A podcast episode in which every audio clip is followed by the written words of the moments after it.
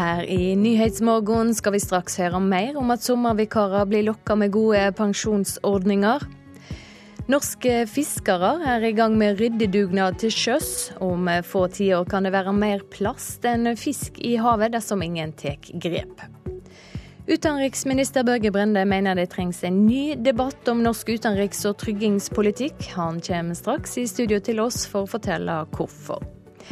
Og flere politiske partier lager sine egne podkaster, men de når bare fram til nerdene, mener kommentatorer. Riktig god morgen i studio i dag, Silje Sande. Vi starter med at NVE advarer om fremdeles skredfare både i sør og nord. Spesielt i Troms kan skredfaren være stor i flere uker framover. Tre gutter ble i går tatt av et skred i Hammerfest, men de slapp unna med lettere skader. Ulf Terje Eliassen var en av de som hjalp til med å søke i snømassene. Ja, nei, jeg så, jeg bor jo rett nedfor eh, Bybo her, og så eh, så jeg Jeg var jo kjørt en tur med familien min, og så så jeg på det var en rekke blålys, og det for en del ambulanser eh, fra Bybo mot sykehuset. da. Og Da kjørte jeg bare hjem, tok med meg en spade og refleks på meg og sprang opp bak her for å se om jeg kunne være til noe hjelp. da. Tre barn ble tatt av snømengdene mens de lekte ved et boligområde i Hammerfest i går. De hadde flaks som overlevde, sier politiet. Men skredfaren er ikke over. Faregraden er tre. Det betyr at skredfaren er betydelig, advarer seksjonssjef Rune Engseth i NVE. I Nord-Norge, særlig i Troms, så er det et vedvarende svakt lag som kan kollapse. Og det kommer til å være der en god stund fremover, kanskje flere uker fremover. Følg med på varsom.no er et råd. Vær forsiktig er et annet. Ja, så når det er tre så, så fraråder vi ferdsel i skredterreng hvis man ikke er veldig erfaren og eh, har eh, god kompetanse. Det er komplekse forhold. Tilbake til dramatikken i Hammerfest i går. Ulf Terje Eliassen var en av dem som hentet en spade for å være med å grave etter barna som ble borte i snøen da de lekte. Nei, jo, Man blir jo litt eh, i sjokk. Det er jo rett, rett på Ørsa hvor jeg bor, og det er jo her, man vet jo at det leker med mange unger her. Så eh, straks jeg så at det var her, og vi så på nyhetene at det var her det var godt, så tenkte jeg med en gang at det her er jo masse unger som leker. og det, Man får skikkelig vondt i seg og man blir ja, grepen av, eh, av stunden. Så man tenkte her må man bare ta en spade og være med og hjelpe så godt man kan. Reportere Hans Jørgen Solli og Allan Klo.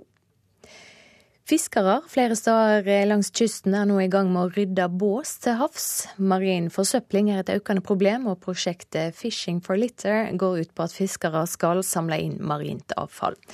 Ifølge en rapport fra World Economic Forum vil det være mer plast enn fisk i havet i 2050 dersom en ikke tar grep for å rydde opp. Og med meg nå Eva Degré, seksjonssjef for marin seksjon i Miljødirektoratet. Hvor stort er dette problemet?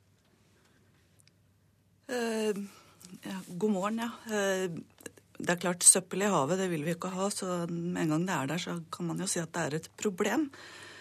Uh, og et økende problem. noen gode tall på hvor mye som er der ute, det har vi ikke. Men vi har jo sånn som den rapporten du refererer til, hvor de antyder at det kommer til å være flere kilo fisk i havet, nei, plast i havet enn fisk i 2050. Og det høres jo ikke særlig bra ut. Uh, og så er det også uh, gjort beregninger som viser at uh, i 2010 så ble havet tilført mellom ca. 5 og 12 millioner plast. Og det er jo, det er jo store mengder det er snakk om. Mm. Hvem er med på dette ryddeprosjektet? De som er med som, som, utfører, det er jo fiskere som stiller opp og og bidrar til å ta med søpla inn, det som de får med i trålen når de er ute og fisker allikevel. Mm, for det er snakk om å sortere ut søppel som kommer om bord i samband med vanlig fiske? Ja, det er helt riktig. Mm. Hva skjer med det de samler inn? Det, det, det de samler inn, det, det, leveres i eh, havner som eh, det er gjort avtale med, og der blir avfallet sortert og registrert og tatt hånd om på en forsvarlig måte. Foreløpig så kan avfallet leveres i, i Tromsø, Ålesund og Egersund. Eh, det, kan det bli aktuelt å utvide mottaksapparatet? Det får vi vurdere når dette er et prøveprosjekt som startet opp for en uke siden. Så skal vi gjennomføre det i to år, og så må vi jo gå og vurdere om dette er noe vi skal fortsette med, eller, og i hvilken grad. Så det vil jo også være avhengig av finansiering. Hva reaksjoner får det fra fiskerne på, på dette prosjektet? Det som jeg har hørt, er eh, bare positivt. Altså, de er eh, veldig ivrige til å stille opp og bidra. Og, uh, ja, så det har vært veldig positivt. Pågår det noe internasjonalt samarbeid når det gjelder å samle opp søppel til havs?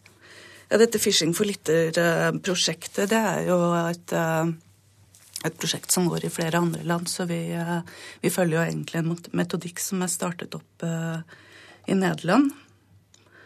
Eh, ja, så er det jo forskjellige andre eh, prosjekter for å se på hvordan man kan gjøre noe med problemet. Takk skal du ha for at du var med, Eva Degré, seksjonssjef i Miljødirektoratet.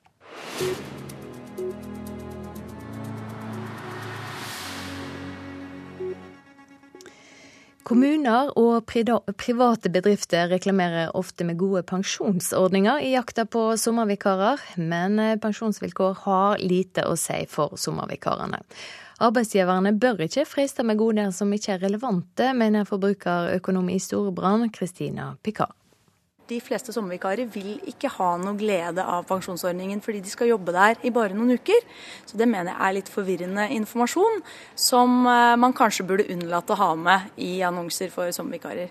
Vikariat som telefonselger i Kongsvinger, sommervikariat som sykepleier i Oslo, hjemmepleiere, pleiere, kokker og assistenter i Engerdal, ferievikarer på sykehjem i Sola. Vi tilbyr gode pensjons- og forsikringsordninger. Felles for disse stillingsannonsene er at arbeidsgiver forteller at de har gode pensjonsordninger. Ingen av arbeidsgiverne NRK har tatt kontakt med ville stille til intervju, men noen innrømmer at det kan være litt misvisende å skrive om gode pensjonsordninger. Og mye tyder på at arbeidsgiverne har en mal for stillingsannonser som de også bruker når de skal ha sommervikarer. Kristina Picard, forbrukerøkonom i Storebrand, tror noen kan bli lurt av slike stillingstekster. Ja, det tror jeg sånn som det står i dag, for jeg tror ikke så mange kjenner til regelverket. Det er jo sånn at I det private så må du ha jobba i minst ett år for å bli innmeldt i pensjonsordningen, mens i det offentlige så er det litt andre regler. Der må du jobbe i minst tre år, men der oppsummeres arbeidsforholdene. Slik at vikarer de kan få glede av den pensjonsopptjeningen senere hvis de skal tilbake og jobbe i det offentlige. Hva bør de da skrive, da? At vi har gode pensjonsordninger, men som sommervikar vil du ikke nødvendigvis uh, nyte godt av det? Ja, jeg tror ikke at pensjon er så veldig relevant for, for sommervikarene. Jeg syns heller at de skulle informere om det på et eventuelt intervju, og så kanskje heller fokusere på andre gode ting ved den sommerjobben enn pensjon. Hvis man tar en sommerjobb i det offentlige, er det også sånn at man blir trukket i lønn for den gode pensjonsordninga man ikke nyter godt av uten tre års opptjening. Fagdirektør i Forbrukerrådet, Jørge Jensen, syns det er sløvt å lokke med pensjon i sommerjobbannonser. I utgangspunktet høres det ut som en litt sånn slørvent eh, HR-arbeid. Man har tatt en, en standardformulering og brukt det på sommervikarer. Det må kommunene rydde opp i. Samtidig så, så er det én ting hva som står i stillingsutlysninga, og så er det den andre tingen det du får i ansettelseskontrakten. Og det er vel så viktig for de som tar sommerjobb, å få en ansettelseskontrakt. Reporter Linda Reinholdsen. Vi skal ta en kikk på dagens aviser. VG forteller om pengegreper som sikrer din økonomi. Det er trangere tider i vente for mange av oss, og avisa har bedt flere økonomieksperter om tips for å holde privatøkonomien flytende. Sykehusene blir styrte av gutta boys. Det sier overlege Olaug Villanger til Dagens Næringsliv. Hun sier det er snakk om en mannskultur preget av kameraderi, og mener kvinnelige leger blir forbigått. For hver gang et passasjertog krysser grensa mellom Sverige og Norge, gjør ca. 2300 biler det samme. Nå ber flere om bedre togtilbud ut av landet, det skriver Dagsavisen. Aftenposten forteller om Stian som ble mobba i barnehagen og på skolen, men etter at Facebook kom, ble det verre. Mobbing på nett blir stadig mer utspekulert, skriver avisa.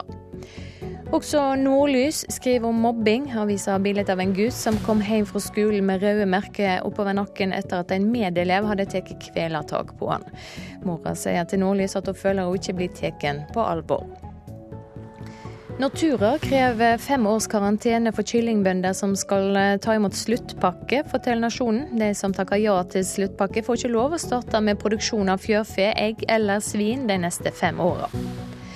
Vårt Land bruker si framside på bildet av et barneekteskap. Det handler ikke om kjærlighet, men om ren nød når den foreldreløse 16 år gamle Ponam gifter seg med en ung mann som onkelen har funnet fram til. Seksualforbrytere forgriper seg på asylbarn, skriver Klassekampen. Ifølge Kripos har kjente seksualforbrytere stått for overgrep mot mindreårige asylsøkere på norske mottak. Dagbladet skriver om livet uten jobb. Ikke gi opp, er arbeidsminister Anniken Hauglie sitt svar til de 127 000 som står uten arbeid. Hun tror det vil bli verre før det kan bli bedre. Samtidig har Nav Heimdal stor suksess med å få folk med nedsatt arbeidsevne i arbeid, skriver Adresseavisen. Nav får dobbelt så mange i jobb ved å bruke pengene sjøl enn eh, de fikk ved å hyre inn private arbeidsmarkedsbedrifter. Så skal vi ha sport. Therese Johaug tror lagvenninna Ingvild Flugstad Østberg kommer til å vinne verdenscupen i langrenn sammenlagt i år. Det drar seg at Johaug sjøl har vært suveren så langt i sesongen. Hun leder med 172 poeng, men det kommer trolig til å endre seg.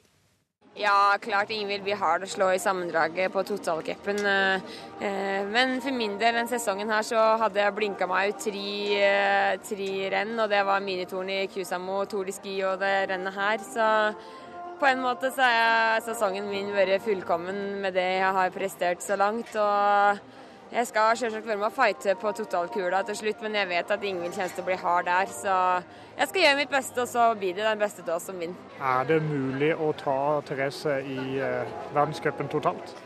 Eh, jeg tror nok ikke det er det, altså. Sier Ingvild Flugstad Østberg.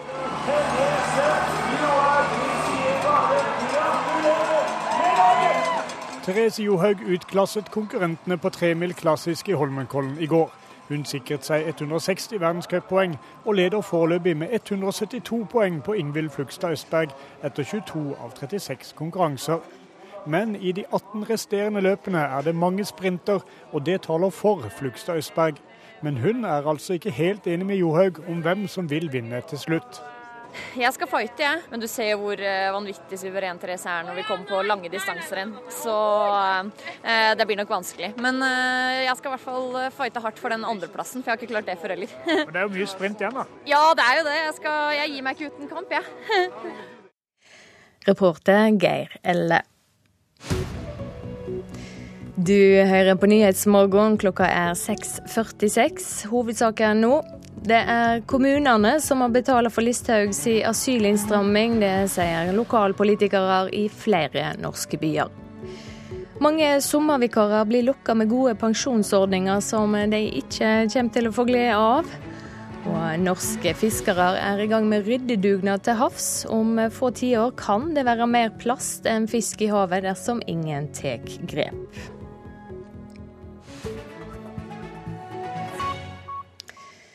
Fartøy fra den sørkoreanske marinen skjøt varselskudd mot et nordkoreansk patruljefartøy som tok seg inn i sørkoreansk farvann i Gulahavet i dag tidlig lokal tid. Det nordkoreanske patruljeskipet trakk seg tilbake etter varselskuddet. Hendinga skjer dagen etter at Nord-Korea gjennomførte ei rakettoppskyting. Med meg i studio nå utenriksminister Børge Brende, god morgen. God morgen. Først, Hva tenker du om at det blir skutt varselskudd i Gulahavet dagen etter den nordkoreanske rakettoppskytinga? Jeg tenker det at eh, nordkoreanske fartøy har ikke noe eh, inn i territorialfarvannet eh, til Sør-Korea, nemlig krigsskip. Men det er òg viktig at vi nå ikke ser en opptrapping av denne konflikten mellom Nord- og Sør-Korea. Det er farlig nok at Nord-Korea har kapasitet eh, til atomsprengning, og det er farlig nok at de også nå eh, trolig har den type rakettkunnskap, slik at de kan kombinere atomvåpen eh, med missiler. Om ett år skal du legge fram den såkalte veivalgmeldinga, i stortingsmelding om norsk utenriks- og tryggingspolitikk. Og fram til det vil du ha en ny debatt på dette området. Hvorfor det? Det er en ny utenriks- og sikkerhetspolitisk situasjon vi står overfor, ikke minst i Europa. I sør så ser vi omfattende migrasjon. Vi ser at terror rykker inn i Europa. Blant annet har vi sett det i Paris, København, gjennom terrororganisasjonen ISILs aktiviteter. Og så opplever vi også at den sikkerhetspolitiske arkitekturen vi har bygd etter andre verdenskrig, blir satt på prøve, ikke minst eh, gjennom det vi opplever fra Russlands side i Ukraina. Førre stortingsmelding om utenriks- og tryggingspolitikk kom i 2009. Hvor viktig er disse meldingene? Det er viktig at eh, vi eh, tenker høyt sammen eh, når det gjelder så viktige tema som utenriks- og sikkerhetspolitikken, at vi har eierskap til det. Vi har jo på mange områder hatt bred enighet i Norge om hovedlinjene, og de ligger jo fast. Men situasjonen ute ligger jo ikke fast. Det som skjer ute i den store verden, også i våre egne nærområder, preger jo mer og mer vår hverdag. Utenrikspolitikk har på mange måter blitt innenrikspolitikk. Det ser vi gjennom migrasjonsbølgene. Og det å f.eks. nå konsentrere mer av bistanden vår for å hindre at det blir flere sårbare stater og svake stater i Nord-Afrika, i hele Sahel-beltet, eh, i området Eh, Libanon, Jordan, Syria, er jo viktig for Norge. Og det å nå eh, kunne utforme en utenriks- og sikkerhetspolitikk i tråd med de nye utfordringene i en tøffere verden, og dessverre ikke en så snill verden som vi så for noen år siden, er viktig.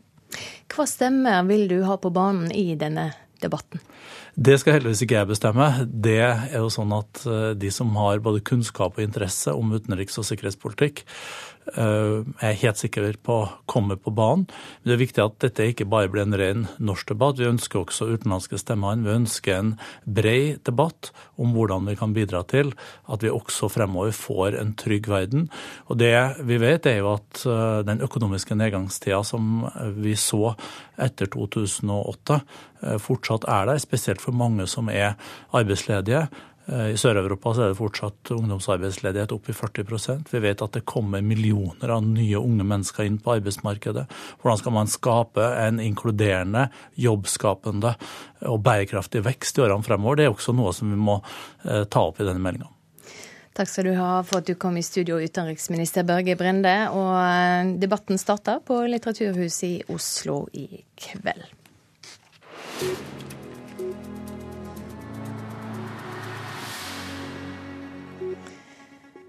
Forbrukerombudet vil komme TV-seerne til unnsetning i striden mellom Telenor 8 Kanal Digital og Discovery. Hun ber nå Kanal Digital vurdere om kundene deres kan si opp TV-avtalen med selskapet, men fremdeles holde på bredbåndet. Etter ei uke med prisforhandlinger er fremdeles halve Norge uten, uten 13 kanaler, mellom dem Eurosport, Max og TV Norge. Hvorfor er vi som vi er, og hvorfor gjør vi som vi gjør? Hadde dere sex på bryllupsnatten? Eh, nei. Hvor lenge hadde du klart deg uten mobiltelefon?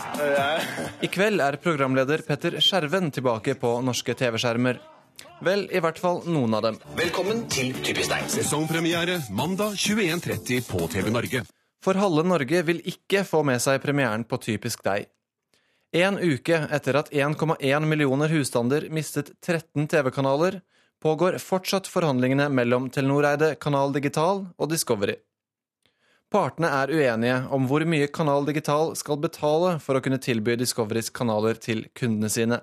Nå kommer forbrukerombud Gry Nergård på banen. Det er mange etter hvert som har endra TV-vanene sine sånn at de gjerne vil bare streame de programmene som de er interessert i. Da trenger de bare bredbånd og ikke et abonnement på TV. og Da syns vi at de bare skal betale for en avtale om bredbånd.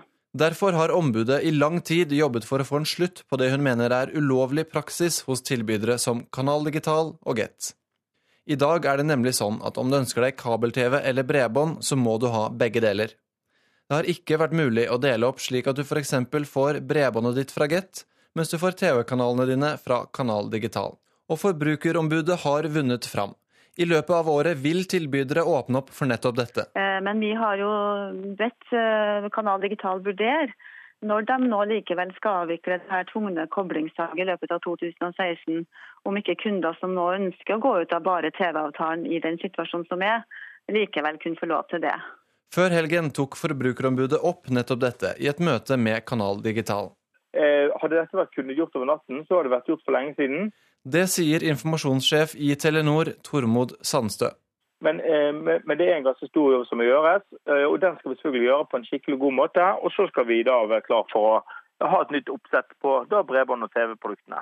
Samtidig som han ikke kan gi slipp på TV-kundene nå, vil han heller ikke si noe om når de kan vente seg å få tilbake de 13 kanalene de har mistet. Eh, som vi nå har sagt siden, egentlig siden nå, onsdag, onsdag i uken som var, så, vi nå, så, velger vi nå å ikke kommentere noe på forhandlingene.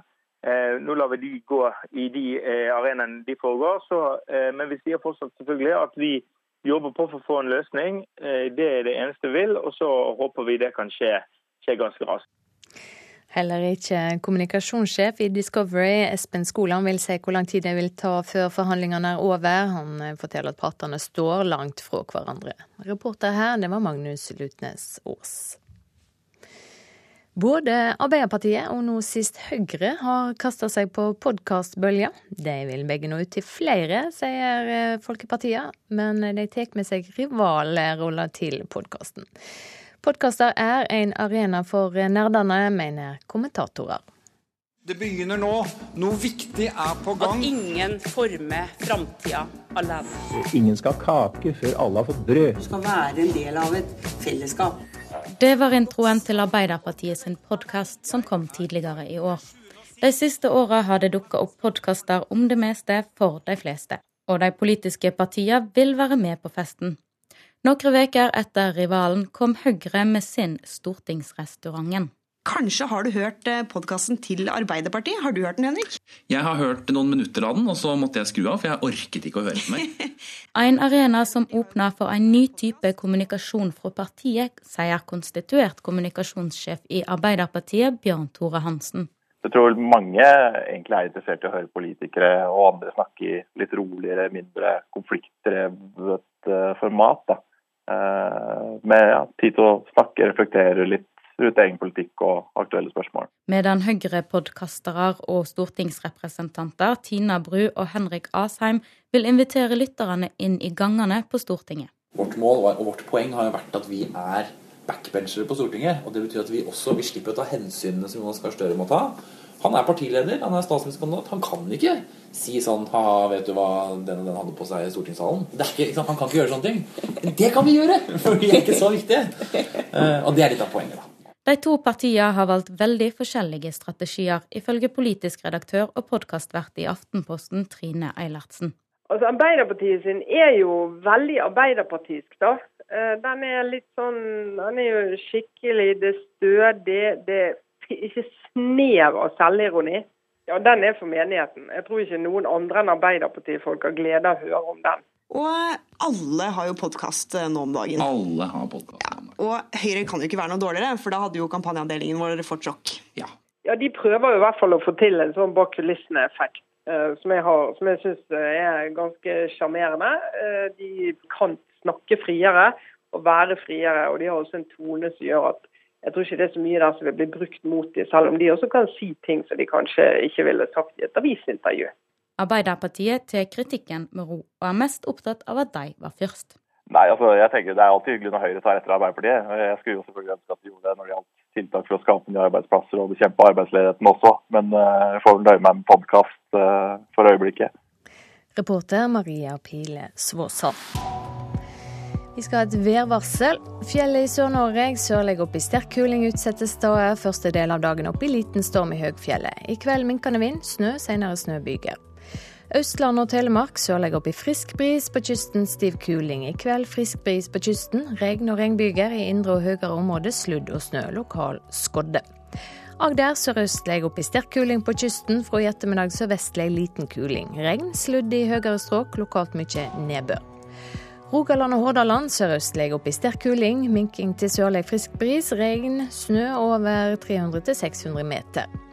Eh, Sogn og Fjordane minking til sørøstlig stiv kuling utsatte steder. Fra i ettermiddag sørlig opp i liten kuling. Regnbyger, snøbyger over 300-600 meter.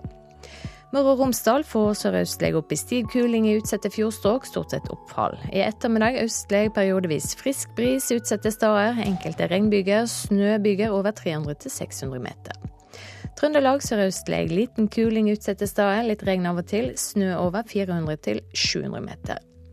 Helgeland, Saltfjellet, Salten og Ofoten sørvestlig liten kuling utsatte steder. Først på dagen opp i stiv kuling på kysten. Litt regn og snø, fra i ettermiddag stort sett opphold.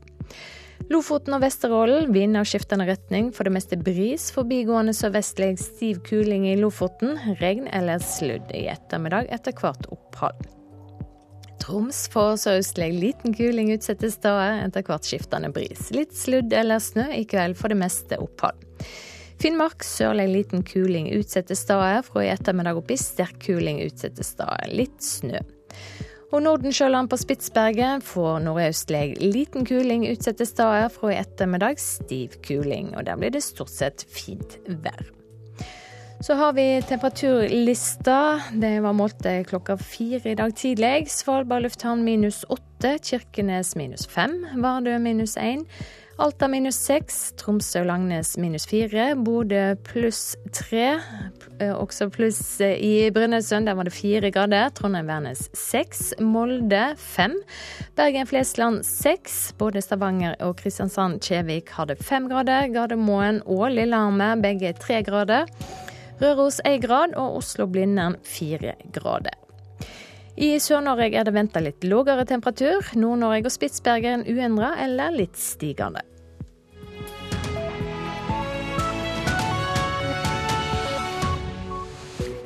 Her i Nyhetsmorgen skal vi høre mer om det mange som har opplevd ID-tyveri de siste åra. Vi gir deg også, også råd om hva du kan gjøre for å unngå at noen tar over identiteten din.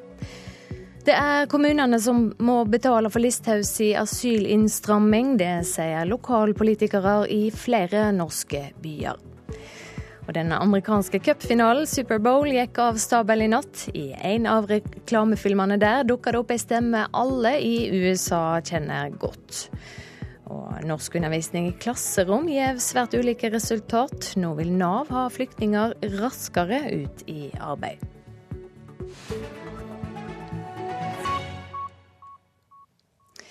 Over 150 000 nordmenn har altså opplevd ID-tyveri de siste to åra, viser en ny undersøking.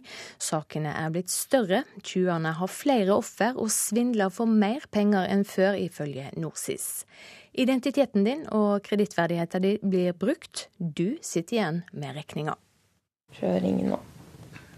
Jeg ringer Marte Lunde ringer politiet for å sjekke om de har nytt om ID-tyvene som valgte seg ut henne i fjor vår. Så Nei, det der, eh, der har vært en veldig veldig guffen opplevelse. Alt starta med et brev fra et teleselskap med nytt SIM-kort og nytt telefonnummer som hun aldri hadde bestilt. Det var starten på et ganske stort mareritt. Samme dag fant hun kredittsjekkdokument i postkassa, og det stogga ikke der. Så får jeg da en telefon fra Oslo politi at jeg øyeblikkelig må komme og hente bilen min på Theisen. Der står det en Audi A5 på mitt navn. Noen hadde også prøvd å kjøpe elektronikkvarer for 50 000 kroner. Den klassiske eh, ID-tyveriet er at man eh, bestiller eh, varer og tjenester, typisk forbrukslån, forbrukerelektronikk, får dette levert til en egnet adresse og henter ut dette og lar regninga gå til den rettmessige innehaveren av identiteten. Sier Christian Meyer, seniorrådgiver i NorSIS. Over 150 000 personer har opplevd ID-tyveri de siste to åra, viser ei undersøking de har gjort. Meyer forteller at ID-tyvene svindler for stadig større beløp, og at det er flere saker med mange offer. Vi ser en økning i omfanget når det gjelder størrelsen på sakene. Nå har det vært en del eh, rettssaker som har gått med dette temaet. Og det har gått eh, i omsetninger over millionen, mens det tidligere var mer sånn småtjuveri hvor man eh, tømte en konto og fikk tak i ordnet noen smålån, mens nå er det da at man går på veldig mange ofre og, og, utnytter disse da helt til man blir tatt. Marte Lunde har ikke hatt økonomiske tap etter ID-tyveriet, men sier at det har tatt både krefter og tid. Hun har fått mange inkassokrav etter hendinga. Saka blir etterforska av politiet.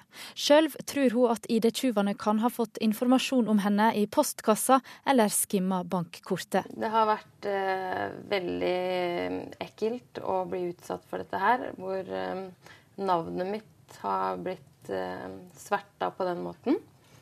Og mm, heller ikke vite hvorfor de valgte min identitet.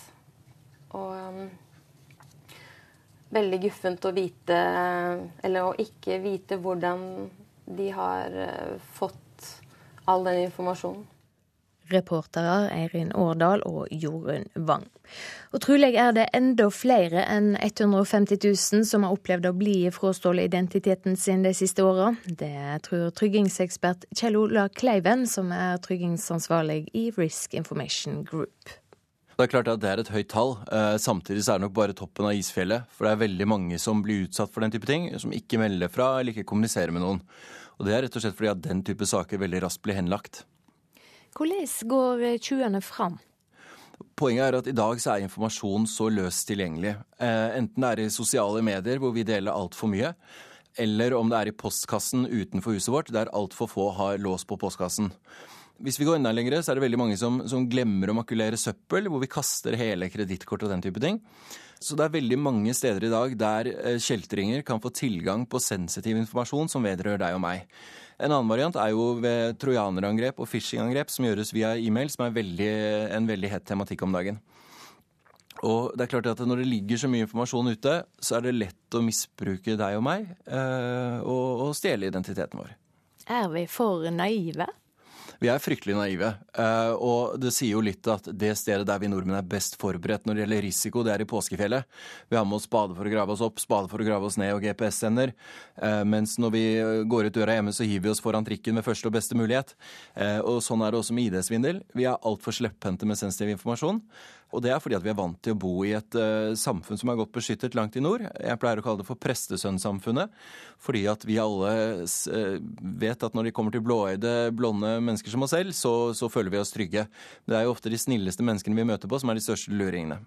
Hva vet vi om, om de som står bak slike ID-tjuveri? Det vi vet, er at det er veldig organisert. Det er godt organisert. Uh, og det er en kombinasjon av utenlandsmafia og norske miljøer. Det er klart at Eh, ved å bruke teknologi eller, eller gjennomføre ID-tyveri, um, så er det et sammensurium av ulike former for kriminalitet som gjør at det er veldig vanskelig å spore opp for politiet, og det er krevende.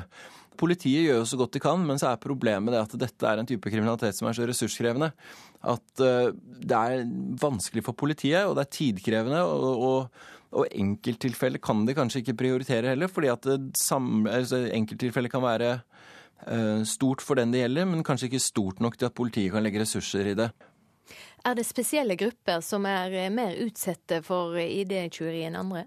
Det er klart det, og det er jo fordi at eh, enkelte grupper kanskje er mer godtroende. Spesielt når det gjelder teknologi.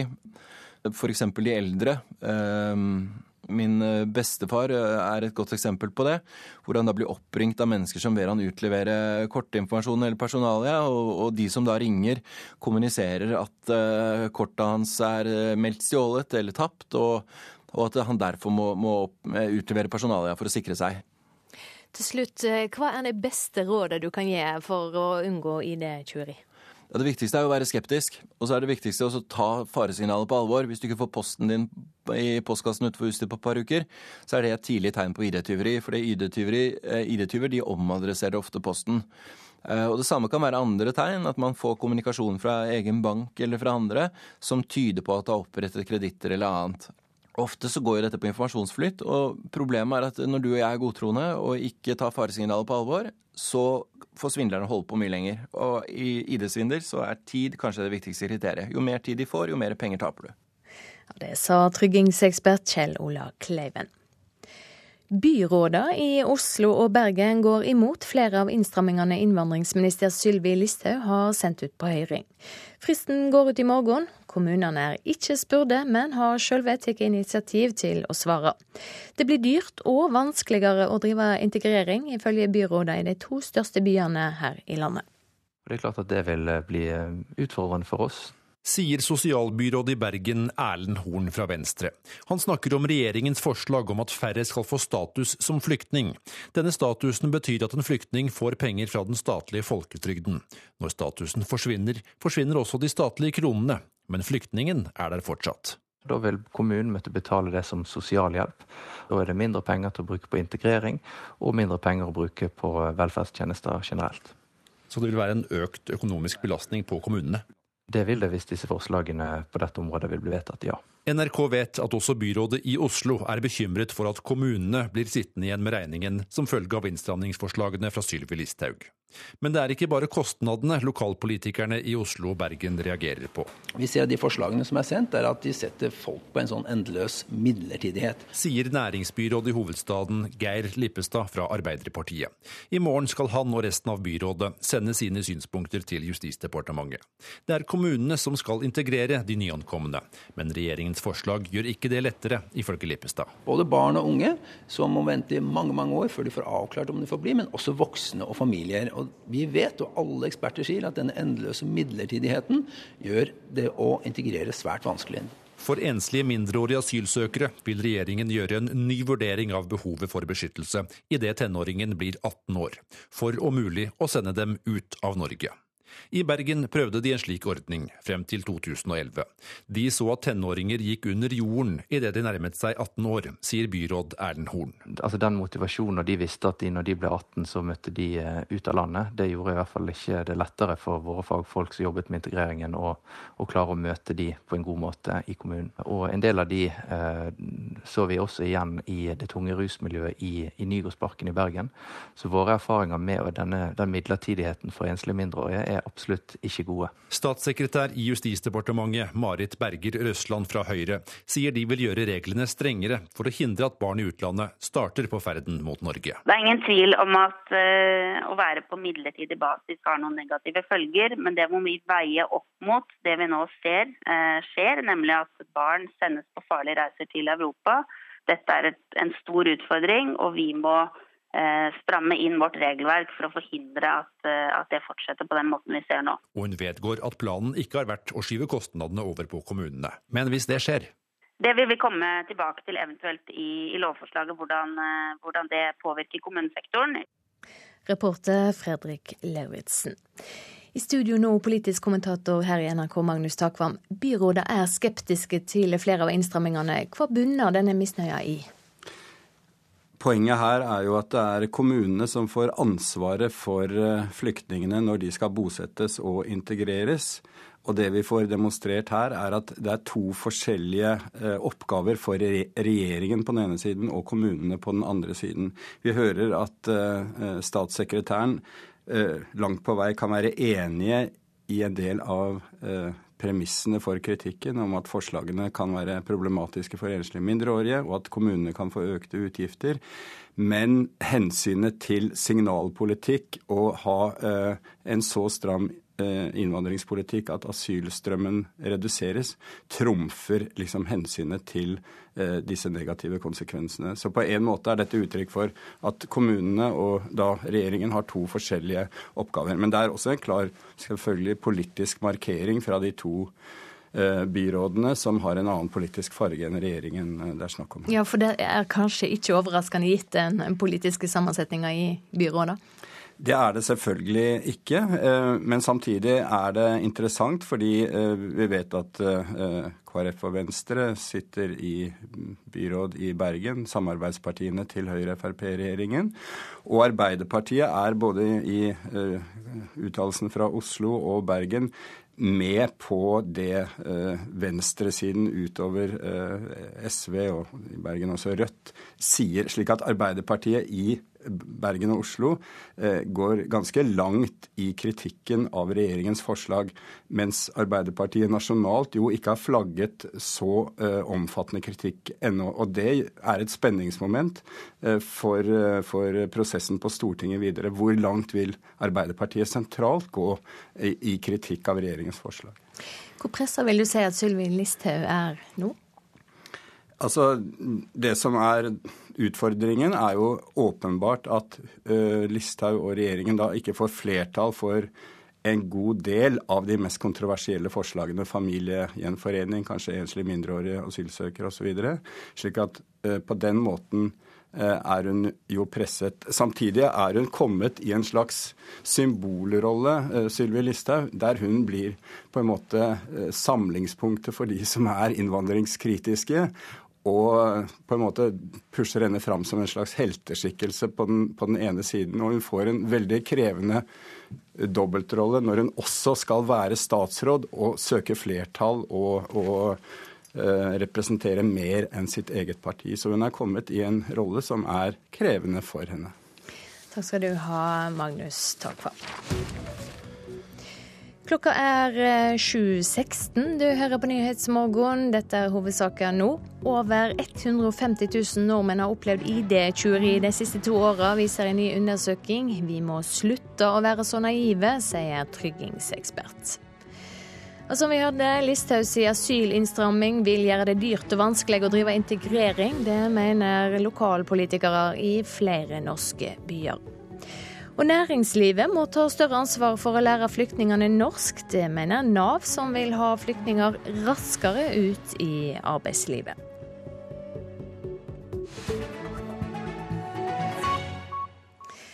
Denver Broncos vant USAs største idrettsarrangement i natt, Superbowl, finalen i amerikansk fotball.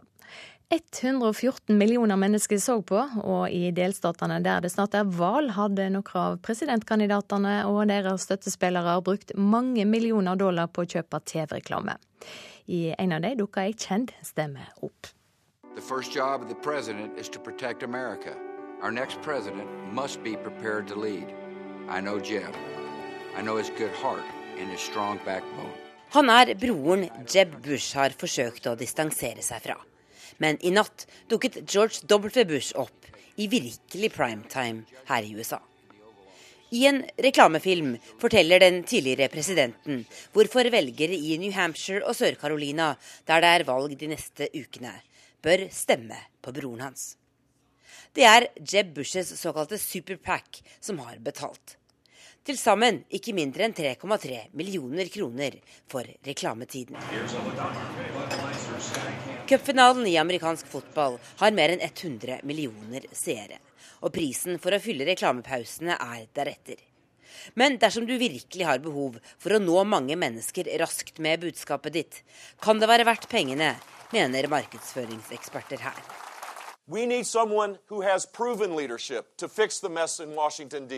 Og det har Jeb Bush behov for.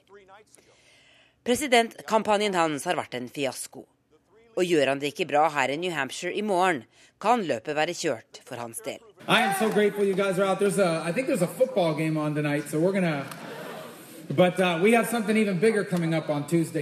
I en idrettshall her i byen Manchester møtte mannen som en gang var Jeb Bushes læregutt, velgerne før fotballfinalen. Marco Rubio var selv fotballspiller i hjemstaten Florida en gang. Nå leder han stort over Bush, som har vært guvernør i samme delstat.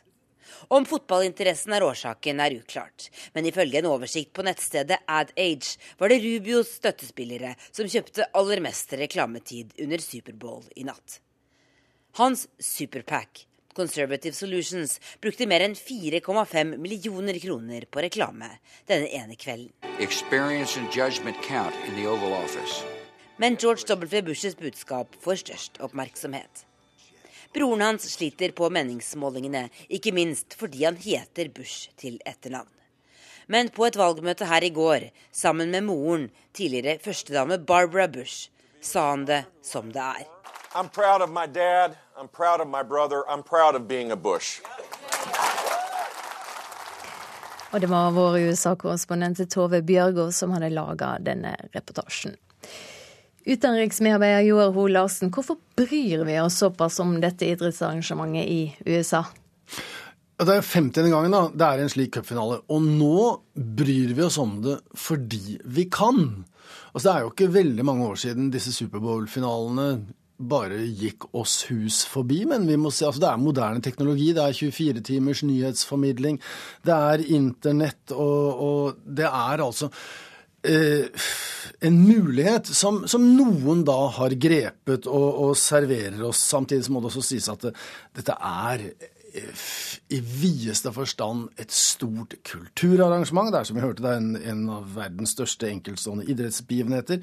Og det er ikke minst et fantastisk TV-show, og så er det et jippo som bare amerikanerne kan presentere. Altså, dette kommer til oss på samme måten som Hollywood og Halloween har gjort. Dette er Donald Duck og Coca-Cola i forkledning. Så enten vi liker det eller ei, og det er jo faktisk noen som liker det, så er vi da altså ofre for amerikansk påvirkning i, i denne forstand. Det er dette er Oscar-utdeling og Grand Prix, dette er 17. Eh, mai, og vel å merke en tåkefri Holmenkollsøndag i én pakke. Hvor opptatt er den jevne amerikaner av Superbowl? Ja, som vi hørte her, da. Eh, amerikanske presidentkandidater mener åpenbart at dette er et sted å treffe velgerne. Det er klart, alt som har mer enn 100 millioner seere, Eh, da betyr det at det er den jevne amerikaner som også sitter der. Mange er selvfølgelig på stadion, er i California, sånn som det var i natt. Men dette er en festforestilling. Jeg nevnte Grand Prix. Det er ikke alle som ser Grand Prix som er veldig opptatt av den type musikk. Det er ikke alle som satt oppe i natt og så TV, som er, eller går ettermiddag amerikansk tid, som er like opptatt av amerikansk fotball. Eh, familien eh, Obama fant denne anledningen så stor at Eh, slik det sies. For første gang på de syv årene de har vært i Det hvite hus, så sto Barack og Michelle frem i et felles live TV-intervju for første gang. Og så er det sånn litt kjønnsfordeling, da. Barack Obama er mer opptatt av av kampen, og Michelle er mer opptatt av pauseunderholdning. Og bestemor hun, hun, er ikke så opptatt av noen av delene, men hun sitter tett ved, slik at eh, de har noe de kaller champagnerom for dem som er opptatt av det. Så blir det jo snakka nesten like mye om reklamen i pausen som om selve kampen. Hva er det med denne pauseunderholdninga? Den har jo bygd seg opp, da, og mye vil ha mer, som det heter. Og noen er da villige til å bruke fantastiske mengder penger på, på 30 sekunders pause. Reklame, som også da eh, dras, eller løftes, ved at det er levende artister der. Altså Noe av det største som kan skje for en artist, er å være pauseunderholder på stadion. Eh, Beyoncé var der i natt. Hun har aldri sunget for 100-150 millioner TV-seere samtidig noen gang. Eh, og så er det da disse reklamespotsene som, som jo er hvor resultatet er nesten like viktig som resultatet av selve matchen. Takk skal du ha, utenriksmedarbeider Joar Hoel Larsen. Vi tar en kikk på dagens aviser. VG forteller om pengegreper som sikrer din økonomi. Det er trangere tider i vente for mange av oss, og avisa ber flere økonomieksperter om tips for å holde privatøkonomien flytende. Sykehusene blir styrte av gutta boys, sier overlege Olaug Villanger til Dagens Næringsliv. Hun skildrer en mannskultur preget av kameraderi, og mener kvinnelige leger blir forbigått. For hver gang et passasjertog krysser grensa mellom Sverige og Norge, gjør ca. 2300 biler det samme. Nå ber flere om bedre togtilbud ut av landet, skriver Dagsavisen. Aftenposten forteller om Stian som ble mobba i barnehagen og på skolen, men etter at Facebook kom, ble det verre. Mobbing på nett blir stadig mer utspekulert, skriver avisa. Også Nordlys skriver om mobbing i dag. Avisa har bilde av en gutt som kom hjem fra skolen med røde merker oppover nakken etter at en medelev hadde tatt kvelertak på han. Mora sier til avisa at hun føler hun ikke blir tatt på alvor. Nortura krever fem års karantene for kyllingbønder som skal ta imot sluttpakke, forteller Nasjonen. De som takker ja til sluttpakke, får ikke lov å starte med produksjon av fjørfe, egg eller svin de neste fem åra. Vårt Land bruker si framside på bildet av et barneekteskap. Det handler ikke om kjærlighet, men om ren nød når den foreldreløse 16 år gamle Punam gifter seg med en ung mann som onkel har funnet fram til. Seksualforbrytere forgriper seg på asylbarn, skriver Klassekampen. Ifølge Kripos har kjente seksualforbrytere stått for overgrep mot mindreårige asylsøkere på norske mottak. Dagbladet skriver om livet uten jobb. Ikke gi opp, er arbeidsminister Anniken Hauglie sitt svar til de 127 000 som står uten arbeid. Hun tror det vil bli verre før det kan bli bedre.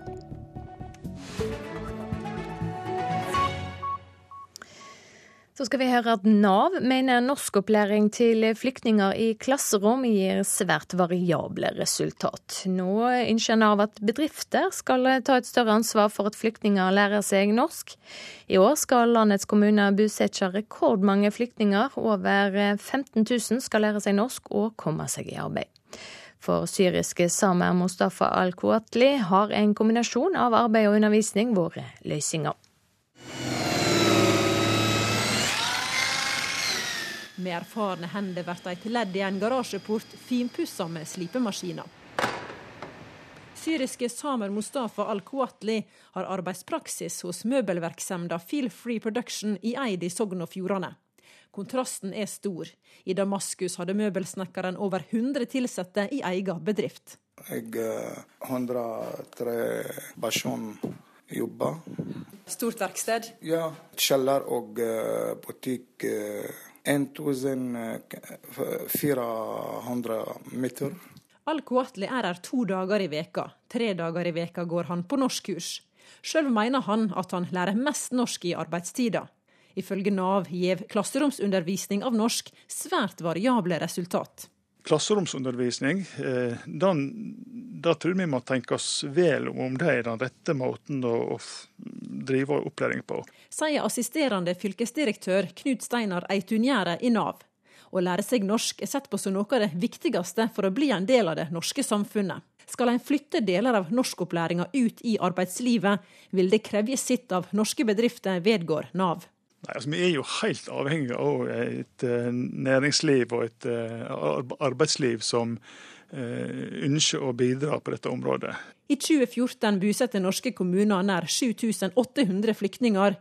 I år skal over 15 000 flyktninger bosettes. Utfordringene på dette området er store, og de blir større etter hvert som tiden går. Av flyktninger som avslutta norskopplæringa i 2014, gikk 44 ut i arbeid eller høyere utdanning på landsbasis, ifølge Nasjonalt introduksjonsregister.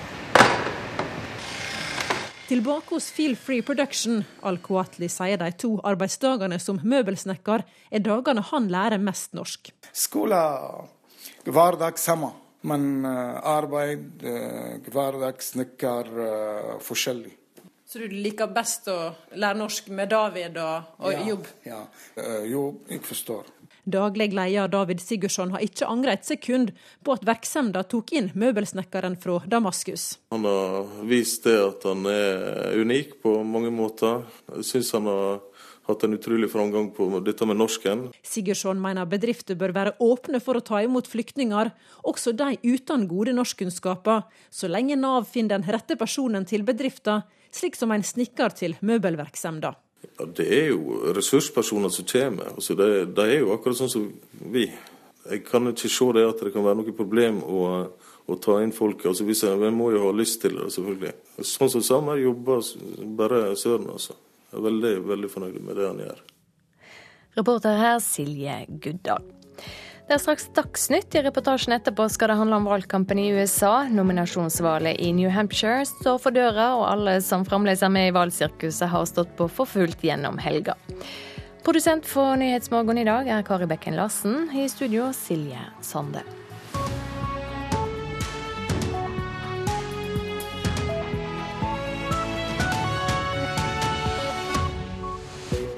Her i Nyhetsmorgen skal vi straks høre hva politiet sier om at så mange som 150 000 er frastjålet identiteten sin de siste åra.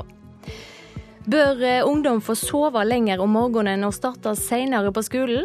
Kunnskapsministeren er ikke avvisende til det. Offentlige virksomheter skal bort fra papirpost og kommunisere digitalt med innbyggerne. Jan Tore Sanner er på plass i studio for å forklare hvorfor du må ta i bruk den digitale postkassa di. Og I natt var det Superbowl i USA. I reklamepausen der overraska den tidligere amerikanske presidenten George W. Bush. I dag har vi hørt at over 150 000 nordmenn har opplevd ID-tjuveri de siste to åra. Det viser en ny undersøking. Sakene er blitt større. Tjuverne har flere offer, og svindler for mer penger enn før, ifølge NorSIS. Det var starten på et ganske stort mareritt. Noen der ute later som at de var Marte Lunde. Det starta med et nytt SIM-kort hun ikke hadde bestilt, flere brev om kredittsjekk, det dukka opp en dyr Audi A5 i hennes navn, forteller hun, inkassokrav. Noen prøvde å handle elektronikkvarer for 50 000 kroner. Det har vært eh, veldig ekkelt å bli utsatt for dette her, hvor eh, navnet mitt har blitt Eh, sverta på den måten. Den klassiske eh, ID-tjuveriet er at man eh, bestiller varer og tjenester, typisk forbrukslån, forbrukerelektronikk, får dette levert til en egnet adresse og henter ut dette og lar regninga gå til den rettemessige innehaveren av identiteten. Sier Christian Meyer, seniorrådgiver i NorSIS. Over 150 000 personer har opplevd ID-tyveri de siste to åra, viser ei undersøking de har gjort. Vi ser en økning i omfanget når det gjelder størrelsen på sakene. Nå har det vært en del eh, rettssaker som har gått med dette temaet. Og det har gått eh, i omsetninger over millionen, mens det tidligere var mer sånn småtjuveri hvor man eh, tømte en konto og fikk tak i ordnet noen smålån, mens nå er det da at man går på veldig mange ofre og, og, utnytter disse da helt til man blir tatt.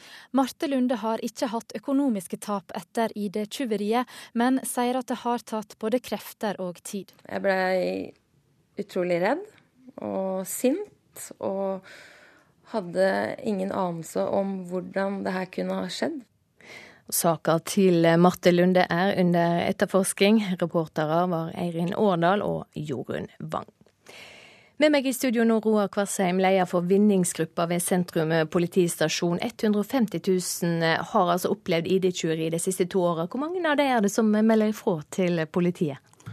Ja, Akkurat dette medfører litt problemer for eh, politiet å svare på. Fordi vi har ikke hatt noe god statistikk på dette før den nye straffeloven ble innført i eh, fjor. Eh, men vi kunne se i januar så fikk vi i Oslo-politiet inn 105 anmeldelser på ID-tyveri. Men det er mørketall? Det er garantert mørketall her. Så, og det er egentlig fint at vi får et fokus på det, fordi dette er noe som krever en innsats både fra politiet og merkantile interesser. Er dette noe det satser på i politiet?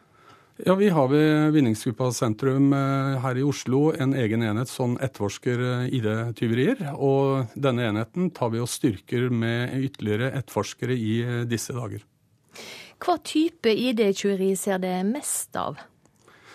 Ja, det er ganske mange former. Eh, og vi, det kan være Alt kan starte så enkelt med at det er et eh, innbrudd i en eh, ordinær postkasse, hvor de stjeler bankkort med, med PIN-kode, eller det er andre personlige opplysninger. Sånn kan være starten på, på ID-tyveriene. Hva vet vi om de som står bak? Det er en eh, brokete forsamling, vil jeg si. Eh, vi har gjennom vår etterforskning både avdekket eh, multikriminelle med en rusbakgrunn, til kanskje den mer typiske svindleren som man kjenner til, til, til internasjonale bander. Hvordan er det å etterforske slike saker? Dette kan være kompliserte saker. Eh, de blir lett eh, veldig store. Og ID-tyven går ofte inn for å lage det vanskelig for politiet å finne ut av det. De vi har hatt saker hvor selv ID-tyven har inngått sånn en fornærmet i et kompleks, noe som gjør det ytterligere vanskelig å etterforske.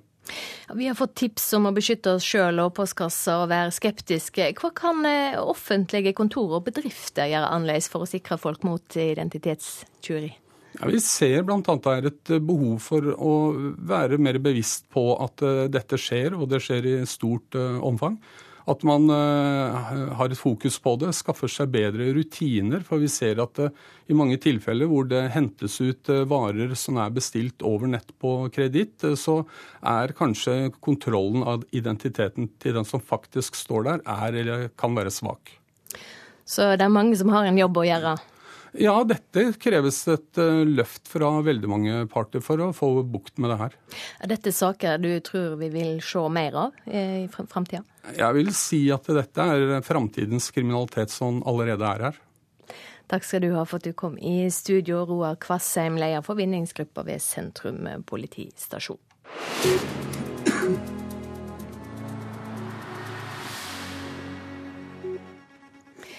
Offentlige virksomheter skal bort fra papirpost og skal kommunisere digitalt med innbyggerne.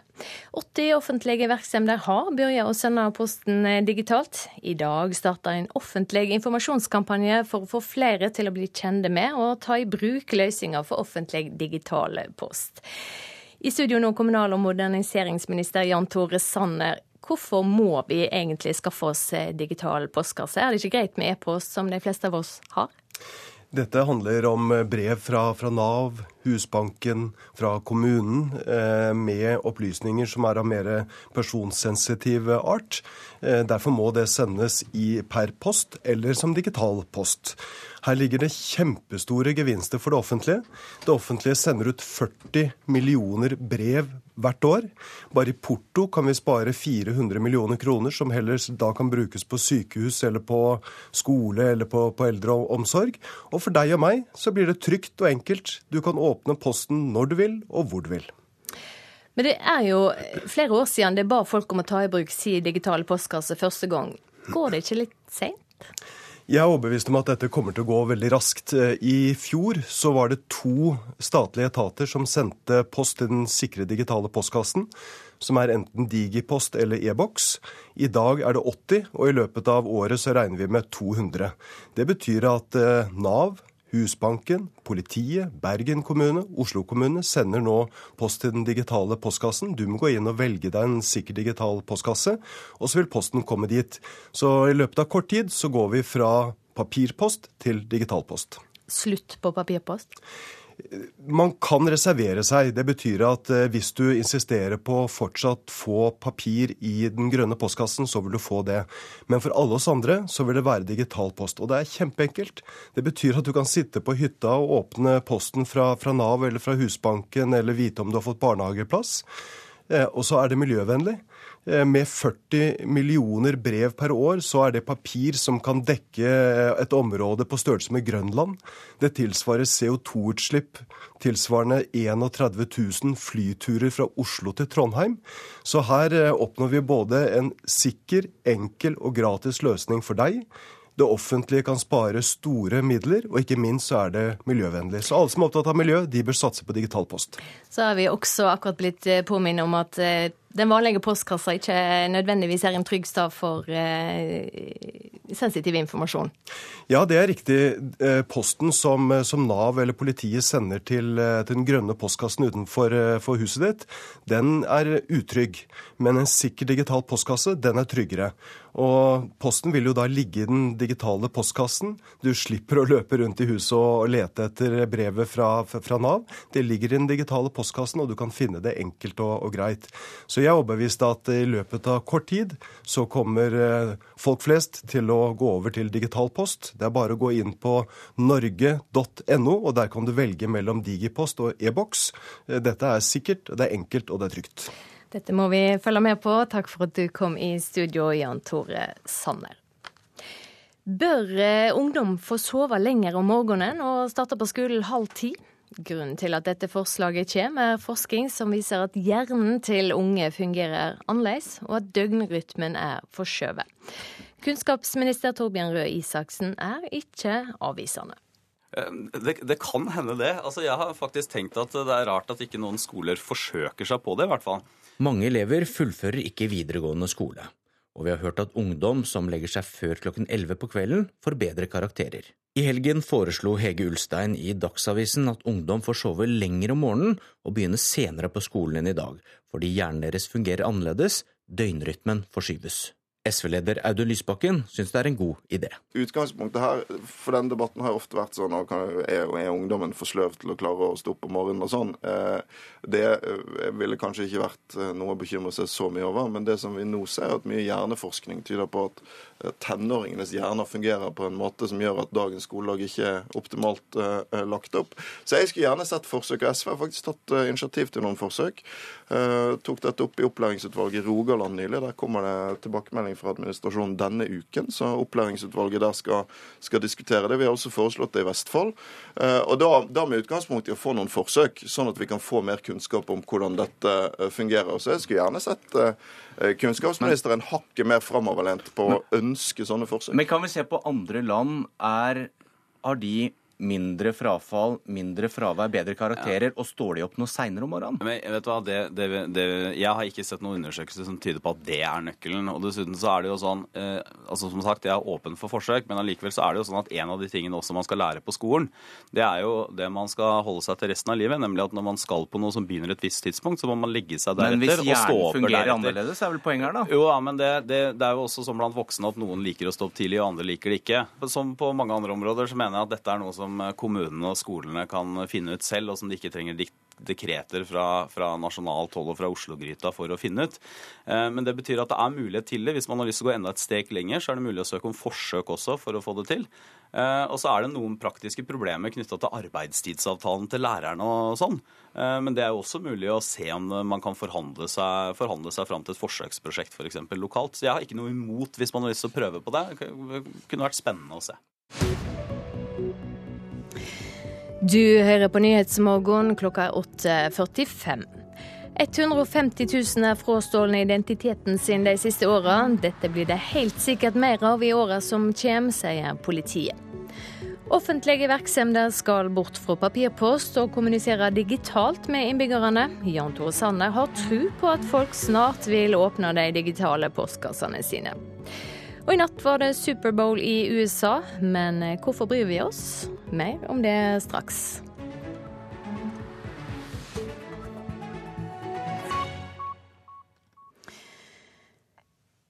Så til kampen om å bli USAs neste president. For i natt var det altså Superbowl-finale i amerikansk fotball. Dette er det største idrettsarrangementet i USA, og det gjør det populært og rådyrt å kjøpe TV-reklamer som går i pausene. Noen av eh, presidentkandidatene nytter høvet, og i en reklame dukker ei kjent stemme opp. The first job of the president is to protect America. Our next president must be prepared to lead. I know Jeb. I know his good heart and his strong backbone. I en reklamefilm forteller den tidligere presidenten hvorfor velgere i New Hampshire og Sør-Carolina, der det er valg de neste ukene, bør stemme på broren hans. Det er Jeb Bushes såkalte superpack som har betalt. Til sammen ikke mindre enn 3,3 millioner kroner for reklametid. Og det har Jeb Bush behov for. Presidentkampanjen hans har vært en fiasko. Og gjør han det ikke bra her i New Hampshire i morgen, kan løpet være kjørt for hans del. Det sa vår USA-korrespondent Tove Bjørgaas. Og Det siste året har vi også her i landet hørt langt mer enn tidligere om eh, det gigantiske idrettsarrangementet i USA, Superbowl. Vår utenriksmedarbeider Joar Ho Larsen har gjort seg noen tanker om hvorfor det er blitt slik. Det er 50. gangen da, det er en slik cupfinale, og nå bryr vi oss om det fordi vi kan. Altså, det er jo ikke veldig mange år siden disse Superbowl-finalene bare gikk oss hus forbi, men vi må se, altså det er moderne teknologi. Det er 24 timers nyhetsformidling. Det er internett, og, og det er altså eh, en mulighet som, som, noen da har grepet og, og, serverer oss. Samtidig må det også sies at det, dette er eh, i videste forstand et stort kulturarrangement. Det er som vi hørte, det er en, en av verdens største enkeltstående idrettsbegivenheter. Og det er ikke minst et fantastisk TV-show, og så er det et jippo som bare amerikanerne kan presentere. Altså, dette kommer til oss på samme måten som Hollywood og Halloween har gjort. Dette er Donald Duck og Coca-Cola i forkledning. Så enten vi liker det eller ei, og det er jo faktisk noen som liker det, så er vi da altså ofre for amerikansk påvirkning i, i denne forstand. Det er dette er Oscar-utdeling og Grand Prix, dette er 17. Eh, mai og vel å merke en tåkefri Holmenkollsøndag i én pakke. Hvor opptatt er den jevne amerikaner av Superbowl? Ja, som vi hørte her, da eh, amerikanske presidentkandidater mener åpenbart at dette er et sted å treffe velgerne. Det er klart, alt som har mer enn 100 millioner seere, da betyr det at det er den jevne amerikaner som også sitter der. Mange er selvfølgelig på stadion, er i California, sånn som det var i natt. Men dette er en festforestilling. Jeg nevnte Grand Prix. Det er ikke alle som ser Grand Prix som er veldig opptatt av den type musikk. Det er ikke alle som satt oppe i natt og så TV, som er eller går ettermiddag amerikansk tid, som er like opptatt av amerikansk fotball. Eh, familien eh, Obama fant denne anledningen så stor at eh, slik det sies, for første gang på de syv årene de har vært i Det hvite hus, så sto eh, Barack og Michelle frem i et felles live TV-intervju for første gang. Og så er det sånn litt kjønnsfordeling, da. Eh, Barack Obama er mer opptatt av, eh, av kampen, og Michelle er mer opptatt av pauseunderholdning. Og bestemor hun, hun, er ikke så opptatt av noen av delene, men hun sitter tett ved, slik at eh, de har noe de kaller champagnerom for dem som er opptatt av det. Så blir det jo snakka nesten like mye om reklamen i pausen som om selve kampen. Hva er det med denne pauseunderholdninga? Den har jo bygd seg opp, da. Og mye vil ha mer, som det heter. Og noen er da villige til å bruke fantastiske mengder penger på, på 30 sekunders pause. Reklame. Som også da eh, dras, eller løftes, ved at det er levende artister der. Altså noe av det største som kan skje for en artist, er å være pauseunderholder på stadion. Eh, Beyoncé var der i natt. Hun har aldri sunget for 100-150 millioner TV-seere samtidig noen gang. Eh, og så er det da disse reklamespotsene som, som jo er hvor resultatet er nesten like viktig som resultatet av selve matchen. Ja, Det sa utenriksmedarbeider Joar Hoel Larsen.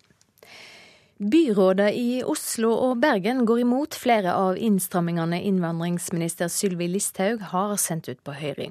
Fristen går ut i morgen. Kommunene er ikke spurte, men har sjølve tatt initiativ til å svare. Det blir dyrt og vanskeligere å drive integrering, ifølge byrådet i de to største byene her i landet. Det er klart at det vil eh, bli eh, utfordrende for oss. Sier sosialbyrådet i Bergen Erlend Horn fra Venstre. Han snakker om regjeringens forslag om at færre skal få status som flyktning. Denne statusen betyr at en flyktning får penger fra den statlige folketrygden. Når statusen forsvinner, forsvinner også de statlige kronene. Men flyktningen er der fortsatt. Da vil kommunen måtte betale det som sosialhjelp. Da er det mindre penger til å bruke på integrering, og mindre penger å bruke på velferdstjenester generelt. NRK vet at også byrådet i Oslo er bekymret for at kommunene blir sittende igjen med regningen som følge av innstramningsforslagene fra Sylvi Listhaug. Men det er ikke bare kostnadene lokalpolitikerne i Oslo og Bergen reagerer på. Vi ser De forslagene som er sendt, er at de setter folk på en sånn endeløs midlertidighet. Sier næringsbyrådet i hovedstaden Geir Lippestad fra Arbeiderpartiet. I morgen skal han og resten av byrådet sende sine synspunkter til Justisdepartementet. Vi vet, og alle eksperter sier, at denne endeløse midlertidigheten gjør det å integrere svært vanskelig. Statssekretær i Justisdepartementet Marit Berger Røsland fra Høyre sier de vil gjøre reglene strenge strengere for å hindre at barn i utlandet starter på ferden mot Norge. Å være på midlertidig basis har noen negative følger, men det må vi veie opp mot det vi nå ser eh, skjer, nemlig at barn sendes på farlige reiser til Europa. Og vi må stramme inn vårt regelverk for å forhindre at, eh, at, det fortsetter på den måten vi ser nå. Og hun vedgår at planen ikke har vært å skyve kostnadene over på kommunene. Men hvis det skjer? Det vil vi komme tilbake til eventuelt i, i lovforslaget, hvordan, eh, hvordan det påvirker kommunesektoren. Reporter her Fredrik Lauritzen. Norskopplæring til flyktninger i klasserom gir svært variable resultat. Nå innser Nav at bedrifter skal ta et større ansvar for at flyktninger skal lære seg norsk. I år skal landets kommuner bosette rekordmange flyktninger. Over 15 000 skal lære seg norsk og komme seg i arbeid. For syriske samer Mustafa al-Kuatli har en kombinasjon av arbeid og undervisning vært løsninga. Med erfarne hender blir et ledd i en garasjeport finpussa med slipemaskiner. Syriske Samer Mustafa al-Kuatli har arbeidspraksis hos møbelverksemda Feel Free Production i Eid i Sogn og Fjordane. Kontrasten er stor. I Damaskus hadde møbelsnekkeren over 100 ansatte i egen bedrift. Jeg har 103 personer jobber. Stort verksted? Ja. Kjeller og eh, butikk. 1400 meter. Al-Kuatli er her to dager i veka. Tre dager i veka går han på norskkurs. Sjøl mener han at han lærer mest norsk i arbeidstida. Ifølge Nav gir klasseromsundervisning av norsk svært variable resultat klasseromsundervisning, eh, da tror vi må tenke oss vel om om det er den rette måten å, drive opplæring på. Sier assisterende fylkesdirektør Knut Steinar Eitunjære i Nav. Å lære seg norsk er sett på som noe av det viktigste for å bli en del av det norske samfunnet. Skal en flytte deler av norskopplæringa ut i arbeidslivet, vil det kreve sitt av norske bedrifter, vedgår Nav. Nei, altså Vi er jo helt avhengig av et uh, næringsliv og et uh, arbeidsliv som uh, ønsker å bidra på dette området. I 2014 bosatte norske kommuner nær 7800 flyktninger. I år skal over 15 000 flyktninger bosettes. Utfordringene på dette området er store, og de blir større etter hvert som tiden går. Av flyktninger som avslutta norskopplæringa i 2014, gikk 44 ut i arbeid eller høyere utdanning på landsbasis, ifølge Nasjonalt introduksjonsregister. Tilbake hos Feel Free Production, Al-Kuatli sier de to arbeidsdagene som møbelsnekker er dagene han lærer mest norsk. Skole hverdag samme, men eh, arbeid, hver hverdag, snekker, eh, forskjellig. Så du liker best å lære norsk med David og, og ja, jobb? Ja. Uh, jo, jeg forstår. Daglig leder David Sigurdsson har ikke angret et sekund på at virksomheten tok inn møbelsnekkeren fra Damaskus. Han har vist det at han er unik på mange måter. Jeg syns han har hatt en utrolig framgang på dette med norsken. Sigurdsson mener bedrifter bør være åpne for å ta imot flyktninger, også de uten gode norskkunnskaper, så lenge Nav finner den rette personen til bedriften, slik som en snekker til møbelverksemda. Ja, det er jo ressurspersoner som kommer. Altså det, det, er jo akkurat sånn som vi. Jeg kan ikke se det at det kan være noe problem å, å ta inn folk. Altså hvis jeg, jeg må jo ha lyst til det, selvfølgelig. Sånn som Samer jobber bare søren, altså. Jeg er veldig, veldig fornøyd med det han gjør. Reporter her Silje Guddal. Så skal vi snakke litt om været. Statsmeteorolog Rafael Escobar Løvdahl. Vi har et lavtrykk i vest, og det fører til mye vann på flere måter? Ja, det stemmer. De på Vestlandet og i nord får jo da høyvann, mens i Sør-Norge er det stort sett vått. Dette høyvannet det gjelder da fra Stavanger til Trondheim og fra Andenes til Honningsvåg. Og ca. 30-50 cm over det som er i tidevannstabellene. Den Tidevannsbølgen starter sør, så det er høyest vannstand i Rogalandsområdet nå tidlig formiddag. Og til Nord-Norge så kommer den da i løpet av tidlig ettermiddag. Og det er ute oppførsel på det. Og det er sånn, eh, Dette skyldes jo da at det er lavt trykk. Det ligger på 970 hektopascal på Torsvåg klokken åtte. Og det er dette lave trykk som gjør at man får da høy eh, vannstand. Så blir det kraftig vind i Vest-Finnmark. Hva gjør det med temperaturene? Ja, i hvert fall Øst-Finnmark er det. Unnskyld, Øst-Finnmark. Ja, Der blir det kraftig vind fra ettermiddag. En eh, sterk kuling utsatte steder. Og når det kommer fra sør, så kan det en vind slå ned stedvis, og da kan det jo bli fort tre plussgrader, eller så kan det fortsette å være minus, som det nå er mange steder. Og det blir eh, litt snø. I Troms så blir det, blir det stort sett bris av skiftende retning etter hvert, og litt sludd og snø. Rolig vindforhold også i Nordland, men eh, forbigående sørvest stiv kuling utsatte steder nå først på dagen, med litt regn og sludd. Men i løpet av ettermiddagen så blir det roligere vindforhold og eh, stort sett oppholdsvær.